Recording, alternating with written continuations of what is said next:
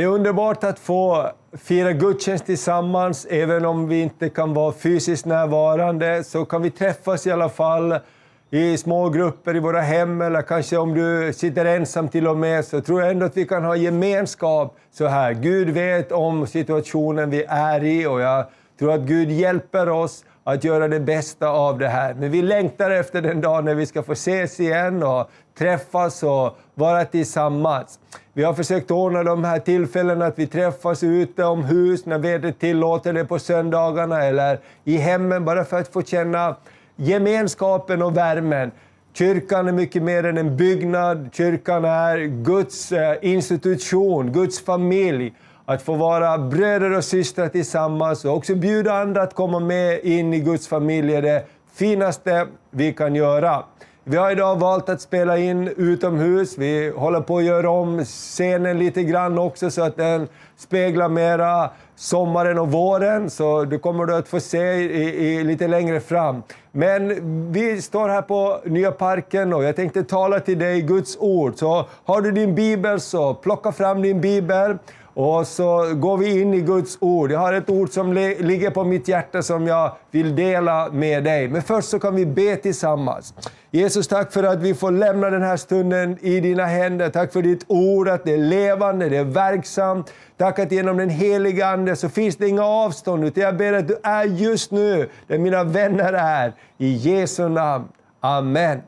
Jag vill tala till dig om, eh, om tro, om att eh, lita på Herren, att vila i Guds hand. Men också det Jesus sa, att se på fåglarna. Just nu är det vår och sommar och fåglarna har kommit och alldeles nyss så var det en mås som flög förbi här och jagade iväg några kråkor och skator som säkert höll på att störa den i deras bobygge.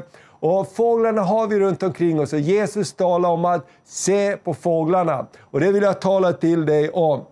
Vision är någonting som vi ser i framtiden. Och den dimensionen som Bibeln talar om, att vi lever här och nu, men vi lever inte bara här och nu. Vi har någonting som är mycket större, som bor på insidan av oss. Vi har himlen i våra hjärtan. När du tog emot Jesus så, så flyttar Jesus in i ditt hjärta.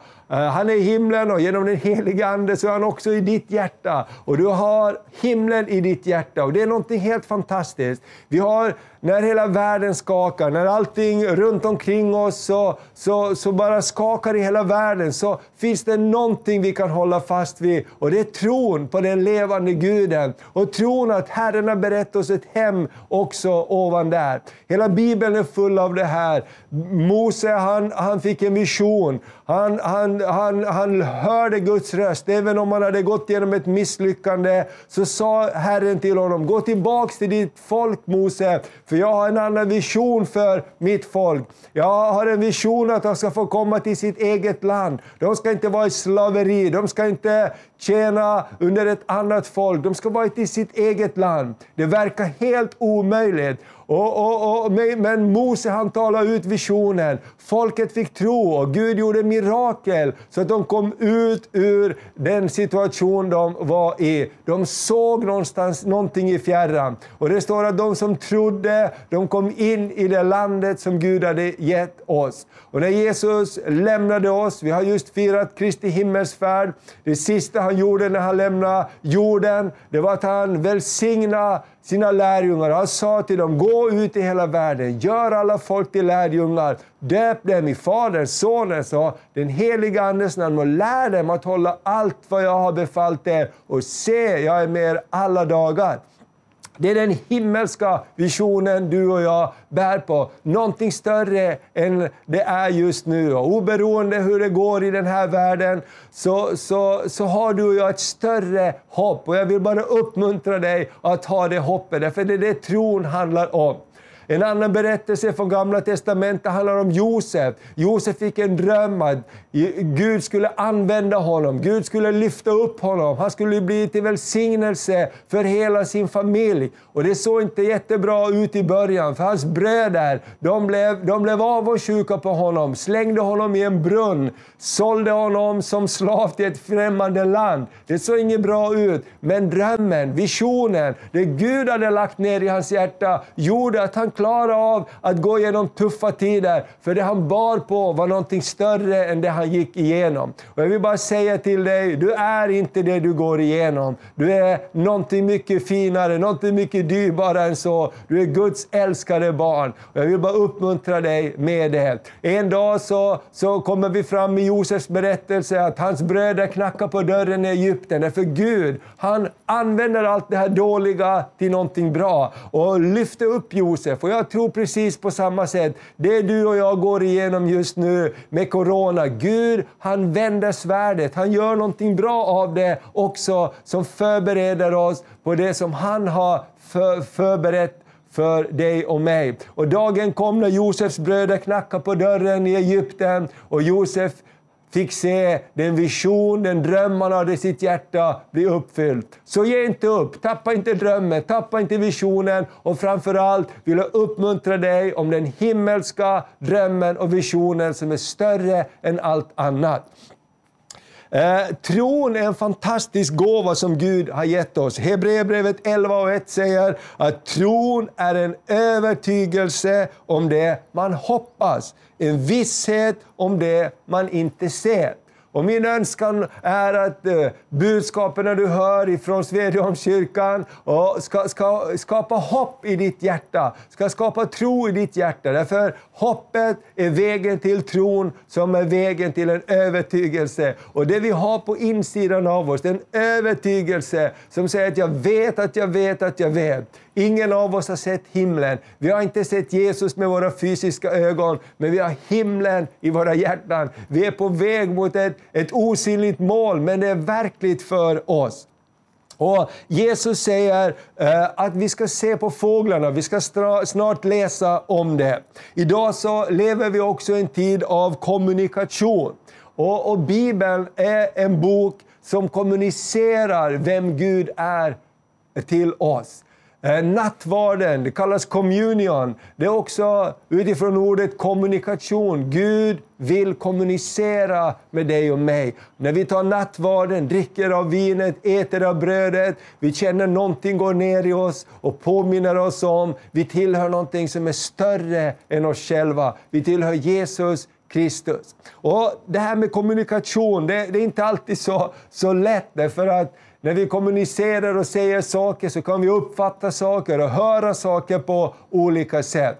Och jag tänker så här i den här tiden, när så mycket kommuniceras till oss, så många budskap, eh, vi har corona-uppdatering varje dag, vi har eh, eh världsekonomin som ser dyster ut, vi har Eh, bankerna som säger att vi vet inte hur det går, vi har många dystra besked som kommer runt omkring oss, så är det viktigt att vi får en kommunikation också ifrån himlen, ifrån Guds ord, ifrån det som kan ge oss liv. Därför vi är ett annorlunda folk. Vi är, vi, är, vi är ett folk som är här på jorden, men vi är inte bara här på jorden. Vi har också himlen i våra hjärtan. Och Paulus han var i stormen, står det i Apostlagärningarna, och han hörde Guds röst i stormen och han kunde bringa, bringa ro, frid, och, och, och, en annan dimension in till den båt han var på. Och jag vill bara uppmuntra dig att eh, när vi har den här fantastiska tekniken och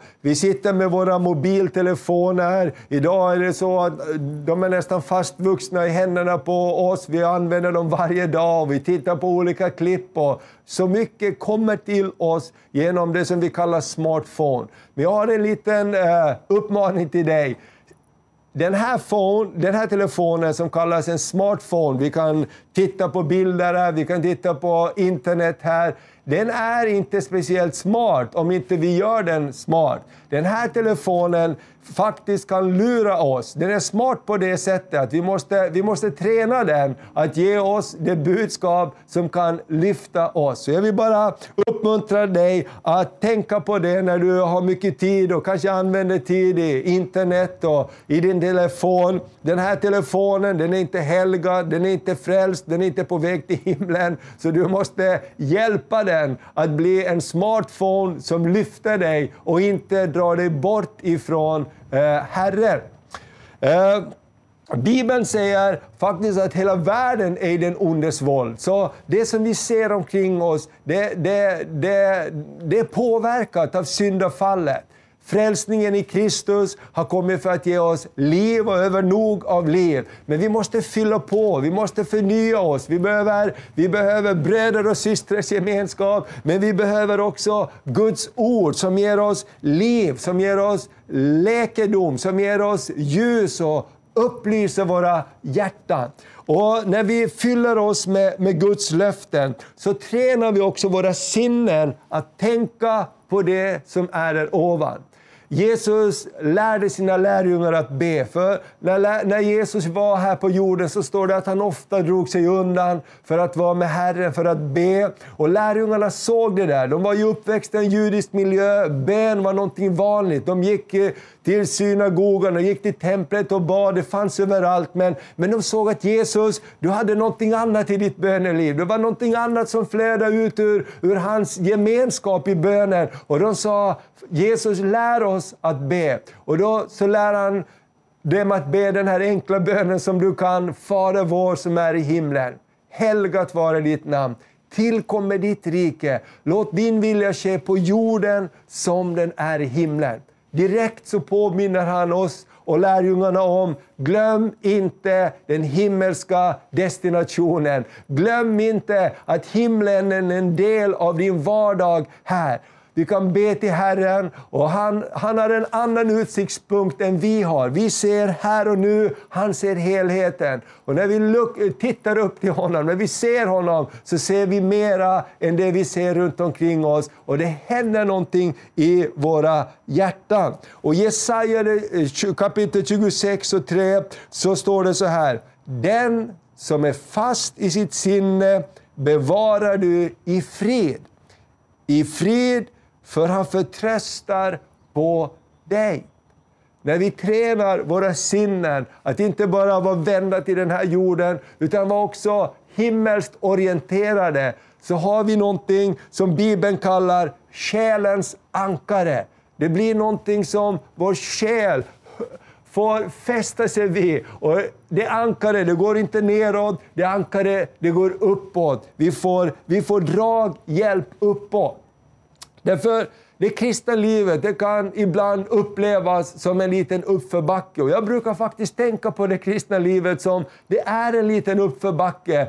Det går inte automatiskt, det bara trillar inte in en massa eh, saker över våra liv från himlen, utan ibland så måste, vi, så måste vi göra någonting. Vi måste skapa vanor, vi behöver ta till oss Guds ord. Vi behöver ibland bara stänga av saker runt omkring oss och börja prisa Herren. Idag har du gjort ett val när du har slått på din, din TV eller telefon för att se på den här gudstjänsten. Säkert finns det många saker runt omkring dig som säger gör någonting annat istället. Men tron kommer genom Guds ord. Tron kommer genom predikan. Och vet du vad? Den här, vet du varför den här vägen verkar vara en liten uppförbacke? Därför att målet, det är himlen. Målet är inte där nere. Målet är att gå uppåt till den himmelska dimensionen där Jesus väntar på oss. Och det vill jag bara uppmuntra dig i. Var inte rädd, var inte orolig när du hör en massa olika saker. Därför att saker kommer att hända. Vi vet inte Eh, hur det är. Jesus kanske snart kommer tillbaka. Vilken underbar dag det ska bli. Jag tänker så här, var inte rädd, utan tro på Gud. Lev ditt liv som om Jesus kunde komma tillbaka när som helst. Vad underbart det skulle vara. Och jag tänker så här, vi behöver inte vara oroliga, utan när du och jag tar emot Herrens frid, då är det den friden också vi kan ge vidare. Låt oss ha vår blick fäst på någonting mera än det som är här runt omkring oss. För allt vi ser, det kommer att förändras. Men det vi ser där uppe, det vi ser hos Herren, det är någonting som skapar tro i våra hjärtan. Och Paulus, han som var en våldsman innan han blev frälst, det står att han andades mordlust och han, han ville verkligen eh, sätta stopp för, för, för de kristna. Men Jesus kom till honom på vägen till Damaskus och sa Paulus, jag är den du förföljer. och Gud rörde vid Paulus hjärta och han blev en apostel. Och han säger så här i Romarbrevet, det första kapitlet, vers 16 och 17. Jag skäms inte för evangeliet, för det är en Guds kraft till frälsning för var och en som tror.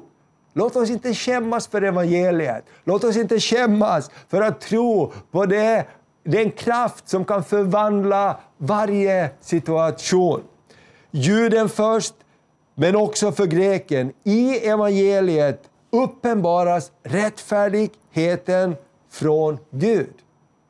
I evangeliet, i den här boken, i evangeliet om Jesus, så uppenbaras eh, rättfärdigheten från Gud. Och vad är det för någonting? Det är inte min rättfärdighet som jag kan prestera. Det är inte din rättfärdighet som du kan prestera. Det är Guds rättfärdighet. Och vad säger Guds rättfärdighet? Guds rättfärdighet säger, jag älskar dig. Du är förlåten. Jesus dog på korset för din skull. Jag tog ditt straff för att du skulle få bli fri och få kallas Guds barn. Och när vi tar emot och speglar oss i Guds ord, när vi är orienterade mot det himmelska målet, då så förstår vi också att ta emot gåvan av rättfärdighet.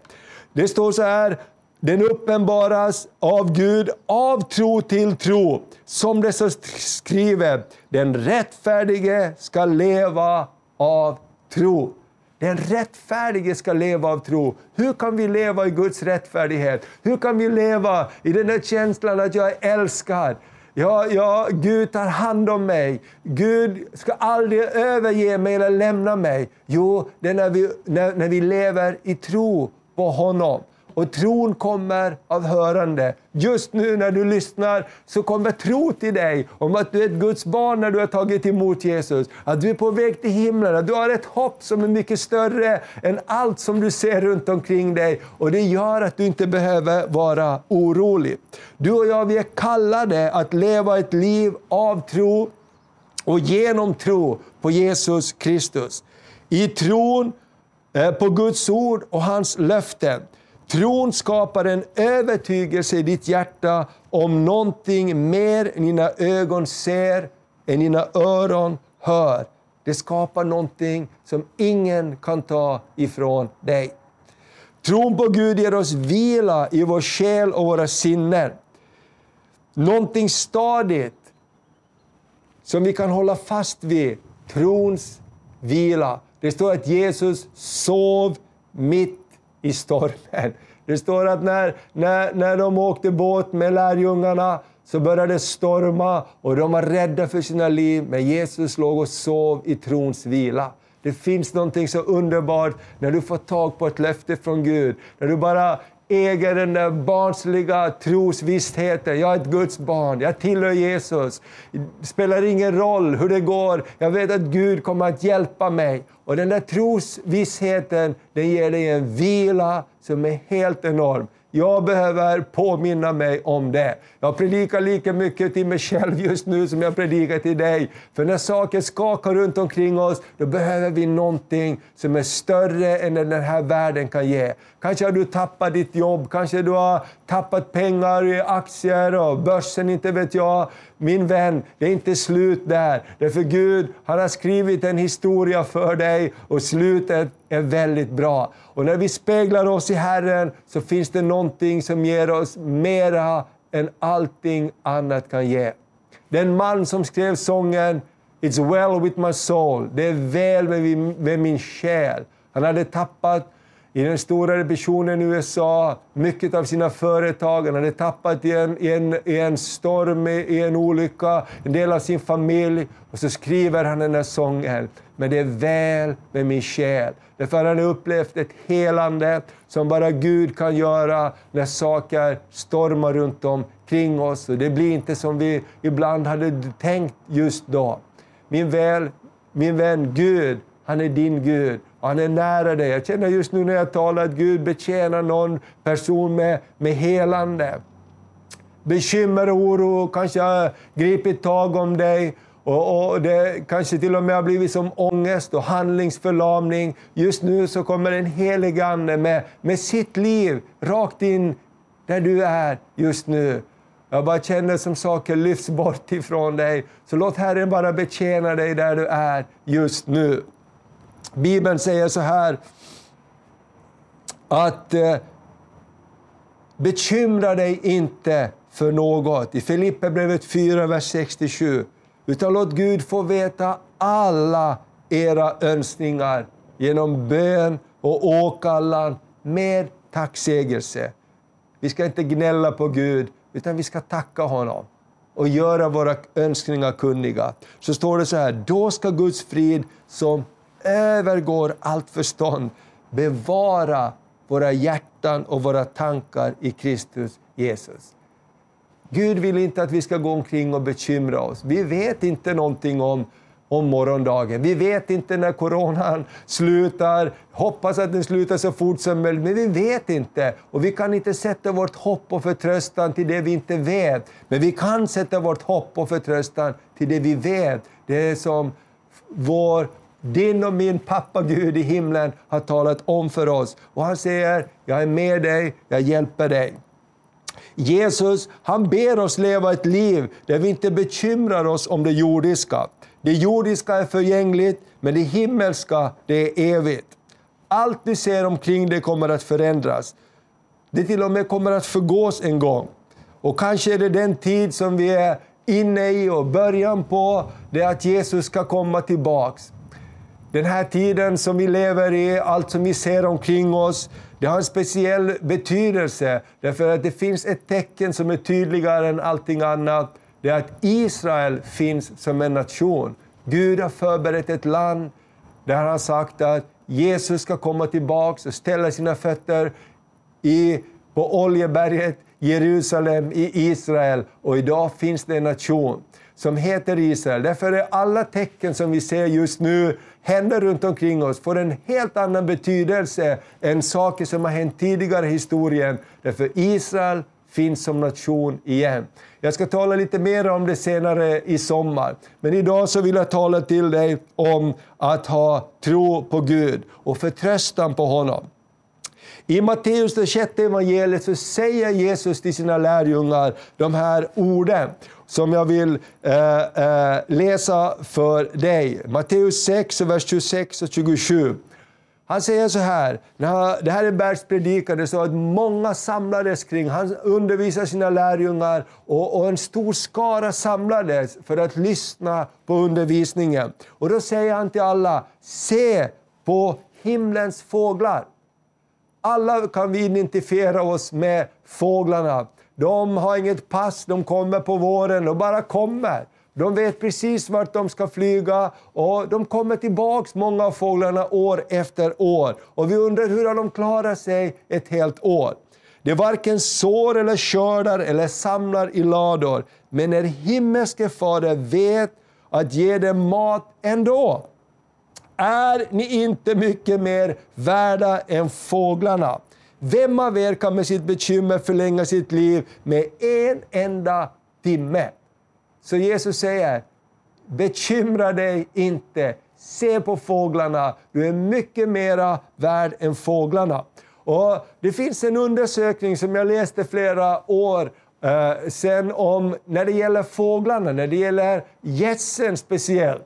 Tidigare där vi bodde så eh, bodde vi vid en sjö och på vårarna så kom gässen också på hösten efter de hade kört. Så kom gässen och de bara landade där på åkern och vi fick köra iväg dem från badstranden för de gillade att vara på badstranden också och lämna sina spår där. Det var inte så kul så man fick sätta upp lite, lite grejer så de inte var där. Men gässen, de har en alldeles speciellt budskap till oss och det vill jag dela med dig här till avslutningen av min predikan. Det finns fem fakta om gäss som kan hjälpa oss när vi är på väg hem mot himlen. Det första, när en gås flaxar med sina vingar skapar det ett upplyft för fåglarna som följer efter.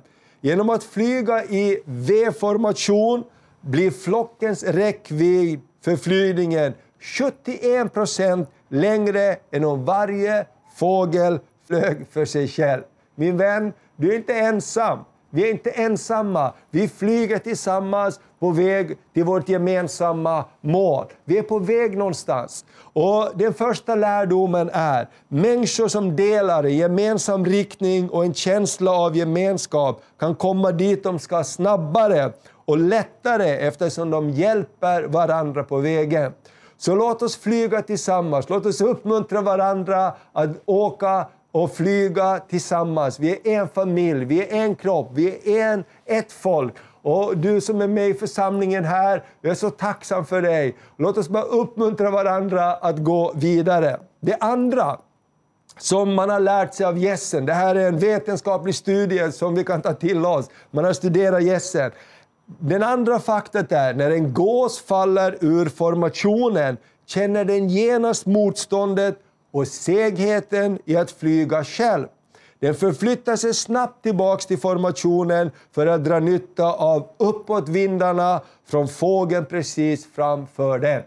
Och för mig är det här Bibelns budskap. Bibeln säger, gå inte själv. Lev inte för dig själv, lev för andra. Var en del av Kristi kropp. När vi blir frälsta så är det en personlig sak.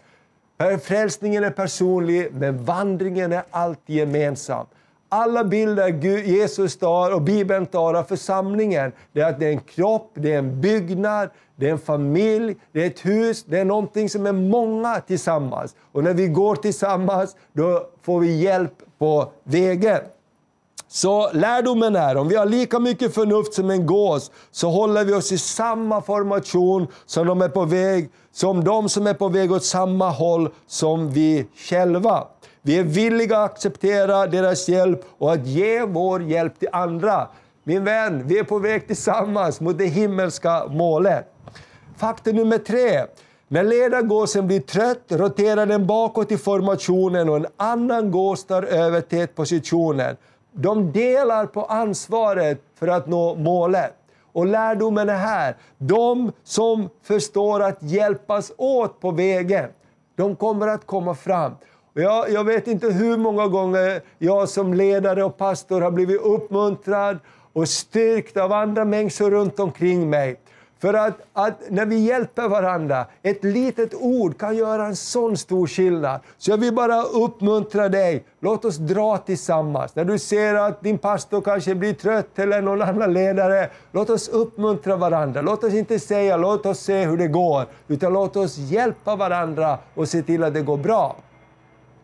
Fakta nummer fyra. Gässen som flyger i formationen tutar och kacklar ljudligt för att uppmuntra gässen i täten att hålla farten uppe. Har du hört det när fåglarna flyger, de här gässen så hörs det tut, tut, tut, tut. De tutar, det är ett kacklande. Och, och, varför gör de det? Då har de kommit på det när de har studerat gässen.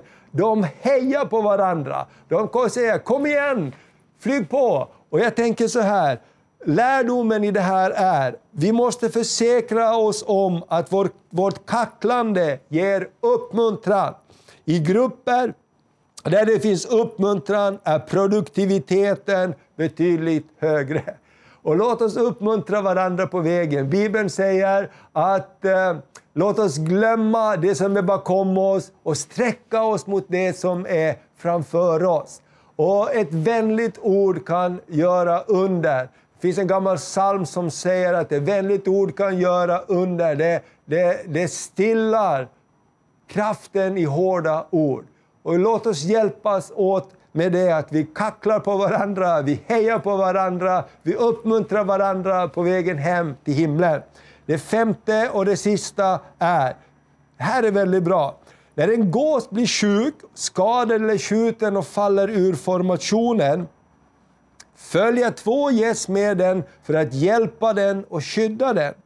De stannar kvar hos den tills den dör eller kan flyga igen. Då ansluter de sig till en annan formation eller flyger i kapp sin egen flock. Lärdom, om vi har lika mycket förnuft som gäss står vi vid varandras sida i svåra tider likväl som i tider då vi är starka. Och min vän, Bibeln säger att vi ska bära varandras bördor. Och jag vill bara be för dig här till slut. Låt oss be för varandra. Jag tror att i de här dagarna, låt oss inte glömma att ett av Guds namn är, jag är Herren, din läkare. Det finns läkedom i Jesus sår. Och vi kan bringa läkedom till varandra, helande till varandra. Låt oss inte glömma varandra när vi misslyckas eller om någon faller. Det står att den rättfärdige faller, men han reser sig åter upp igen. Jag är så tacksam för alla som har hjälpt mig, som inte har gett upp tron på mig och fortsatt be för mig. Även om jag misslyckas så får man komma åter igen. Och jag tänker så här, låt oss göra vad vi kan för att nå vårt himmelska mål och hjälpa varandra. Vi låter oss be till avslutning. Kanske du har oro och bekymmer och kanske du känner så här också, jag är inte riktigt säker på mitt himmelska mål. Jag är inte riktigt säker på att jag har min riktning för min, min färd åt rätt håll. Så idag är stunden när vi kan be tillsammans. Så vill Jesus hjälpa dig. Låt oss be. Herre, jag bara tackar dig för att du är här just nu. Tack att den helige Ande är här för att betjäna oss, betjäna var och en av mina vänner som ser på det här och lyssnar på det här budskapet. Om någon enda känner att jag känner att jag har fallit ur formationen, jag, jag flyger inte tillsammans med de andra längre, jag går min egen väg, så är det här en kallelse att komma tillbaks, att flyga tillsammans igen. Och har du inte eh, tagit emot Jesus så kan du bara be den här enkla bönen efter mig. Jesus, kom in i mitt hjärta. Tack att du har förlåtit mig mina synder. Tack att jag får vara ett Guds barn. Jag vill flyga hem till dig, för jag tillhör dig. I Jesu namn. Amen.